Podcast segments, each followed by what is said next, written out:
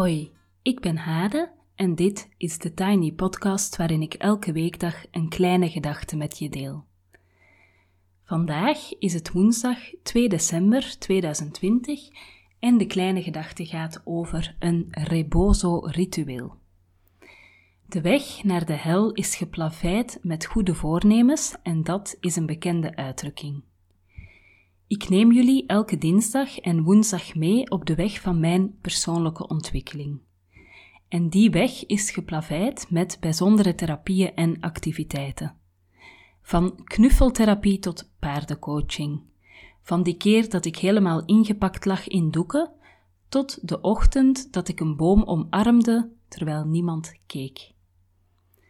Als journaliste heb ik ontzettend veel verschillende dingen kunnen ervaren en uitproberen en dat is natuurlijk geweldig. Maar daarnaast ben ik zelf van jongs af aan op zoek geweest naar inzicht, betekenis, zingeving. Door mijn werk, ik bied cursussen aan waarin je op een diepgaande, creatieve en leuke manier aan je persoonlijke ontwikkeling kan werken, kom ik in contact met heel veel mensen die op een authentieke wijze bezig zijn zichzelf te ontwikkelen. Het is dus wel een thema in mijn leven. Als journaliste werk ik onder andere voor Psychologisch Magazine. En als organisatieadviseur werk ik met de filosofie en tools van Deep Democracy, waar naar jezelf kijken en je eigen metaskills zoals compassie en neutraliteit ontwikkelen onvermijdelijk zijn.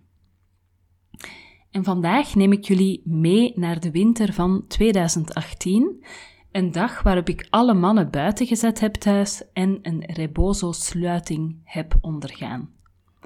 Gisteren hoorde je het eerste deel, waarin ik ook wat meer uitleg gaf over wat een rebozo dan is en welke functie dat heeft. En vandaag neem ik jullie mee in het vervolg. Dus als je de podcast van gisteren nog niet hebt beluisterd, is het vast handig om die eerst te horen.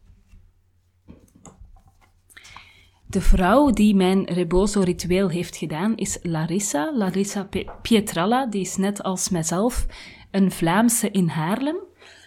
En zij heeft uh, Studio Mama Flow, waar zij uh, onder andere yoga voor uh, pasbevallen vrouwen en zwangere vrouwen geeft, maar waarin zij onder andere ook werkt rond hormonen, ehm, babymassage, allerlei dingen. En dus ook het Rebozo-ritueel. Larissa maakt mijn slaapkamer klaar voor het ritueel. De bloemen worden naast het bed gezet, de kamer wordt opgewarmd, er is zacht licht en alles wordt klaargelegd voor een massage. Eerst mag ik even dampen met mijn kruidenstempel. Heerlijk, ik word er instant rustig en warm van, terwijl ik weet dat de baby's gekoesterd worden door mijn vriendinnen beneden. Het ritueel begint met een massage. Larissa masseert mijn onderrug, mijn bovenrug en mijn benen. Het is alsof ik mij plots weer herinner dat ik een lichaam heb en dat ik me realiseer dat het moe is en best veel pijn doet. Bij het masseren van mijn onderrug herinner ik me de weeën weer. Bij het masseren van de bovenrug voel ik de impact van twaalf weken borstvoeding geven en dragen aan mijn schouders. En bij mijn benen vallen, de, vallen mijn gedachten stil. Het doet zo'n deugd even verzorgd en verwend te worden, wetend dat de baby's in uitstekende handen zijn. Na de massage moet Janne weer even drinken. Ik voed haar warm ingepakt in doeken. Er wordt thee gebracht en wat lekkers en iedereen praat heel zacht. Er wordt mij gevraagd wie ik graag bij het ritueel wil. Wel, liefst iedereen. De baby's, de vriendinnen en Larissa.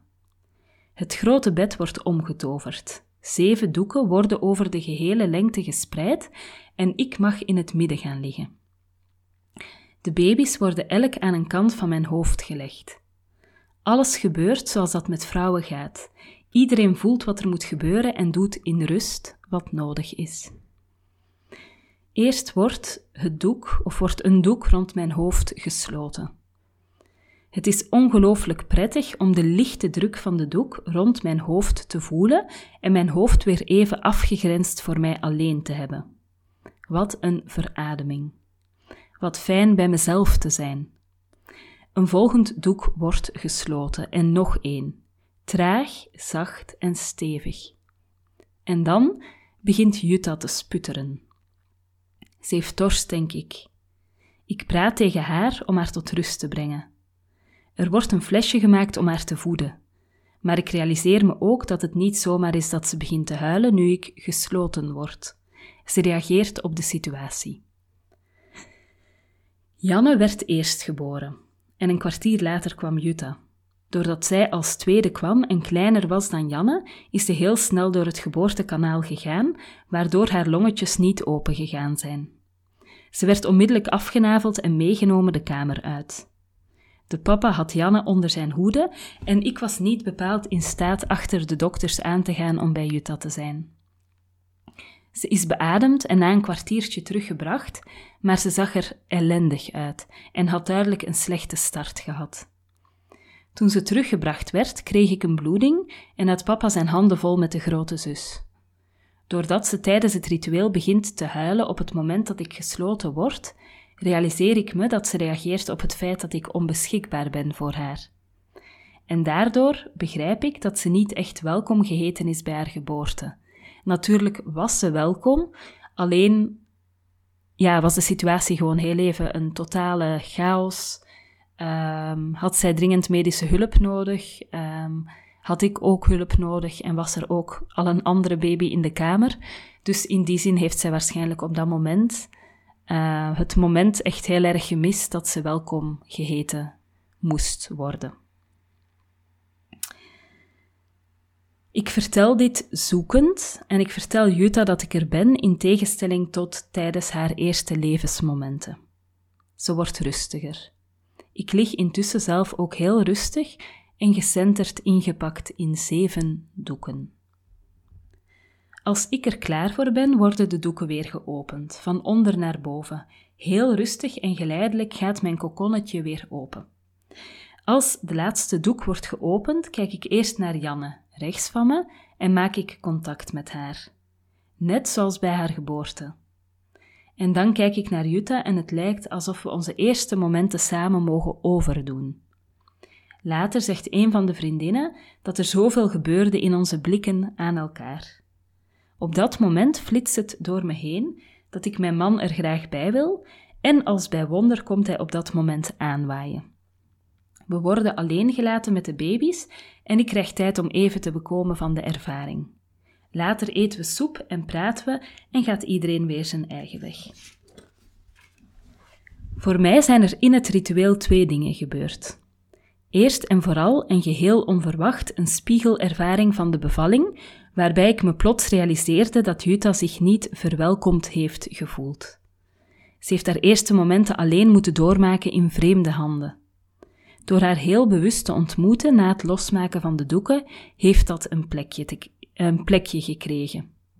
En ten tweede was er het afsluiten van de intense periode van zwanger zijn, bevallen en de kraamtijd. Ongeveer een jaar nadat we de beslissing namen nog een kindje te krijgen. Doordat het een afgesloten geheel is, kan ik de nare dingen verwerken, heimwee voelen naar al het moois, maar ook weer beter in de wereld staan.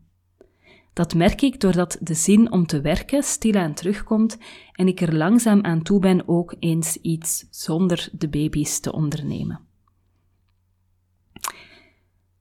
Voilà, dat was het um, ja, mijn ervaring met een rebozo-ritueel, met dank aan Larissa vooral.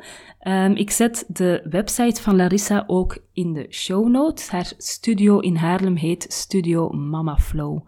En ik heb Larissa dus ervaren als iemand die in die hele periode van zwangerschap, kraamtijd en ook de periode daarna tot en met nu heel fijn, constructief, bekrachtigend, empowerend aanwezig is geweest. Voilà, intussen is het traject uh, eh, 24 Hours of Silence gestart. En dat gaat over 24 dagen, elke dag een uur stil zijn. Je kan het een beetje vergelijken met uh, wat Evi Gruijaert doet in de audio Start to Run. Dus ze zegt je wat je moet doen, lopen of stappen, en ze moedigt je aan. En dat is eigenlijk een beetje um, wat ik doe in de audio in de podcast eigenlijk, de afgeschermde podcast die bij 24 Hours of Silence horen. Ehm, ik vertel je een aantal dingen tijdens een heel uur waarin je stil bent. En ik nodig je dus uit uh, om na te denken, om bepaalde dingen te doen. Um, ja. En voor dat project um, ga ik zelf op 24 plekken een uur stil zijn. Dus ik heb natuurlijk al een paar van die uren achter de rug. Um, en ik heb net nog zo'n stilteuur meegemaakt. En ik merk ja, soms denk ik dat het een beetje een grappig project is, of lijkt het ook een beetje gek om dat tegen iemand te vertellen van ik, uh, ik ga naar 24 plekken en daar ben ik dan een uur stil en ik schrijf op wat het met me doet. Maar ik merk eigenlijk dat, dat die uren stilte behoorlijk doorwerken. Dus ik heb er nu nog maar enkele gedaan.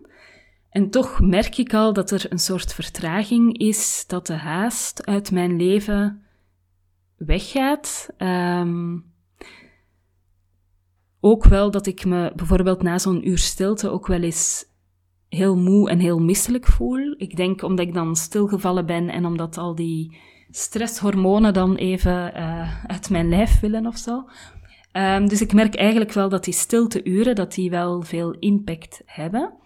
En slechts na een paar van die stilteuren uh, merk ik, of ja, is het mij ook heel duidelijk geworden, dat ik een beslissing moet nemen die mij heel zwaar valt. Ehm, en dat is met name een beslissing om een bepaalde opdracht, die ik al een aantal jaren heb als zelfstandige, om die opdracht uh, terug te geven. Omdat de, ja, omdat de omstandigheden veranderd zijn en omdat ik um, eigenlijk merk dat dat heel veel negatieve invloed heeft op mij. Nu, dat is helemaal niet fijn om dat besluit te nemen. En ja, nogmaals, ik merk dat het mij heel zwaar valt. En tegelijkertijd denk ik ja, dat het ook heel mooi is dat die stilte mij op dat punt kan brengen. Um, ja, dat dan een stukje ja, toch dichter bij mezelf komen is en authentieker worden is wat er in die stilte gebeurt. Je kan zeker nog uh, mee starten.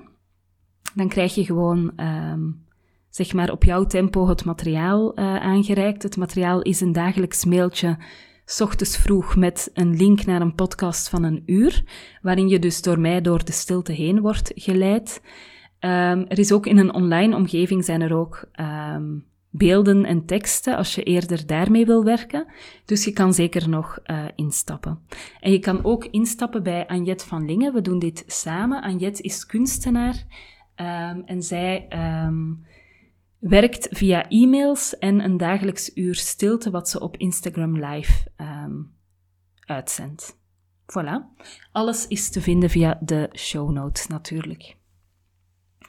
Tot zover de Tiny Podcast voor vandaag. Je kan me volgen op Instagram, TheTinyPodcast. Je helpt me door deze podcast wat sterretjes te geven op iTunes een review achter te laten en of hem door te sturen aan iemand anders die er misschien ook graag naar luistert. Tot morgen!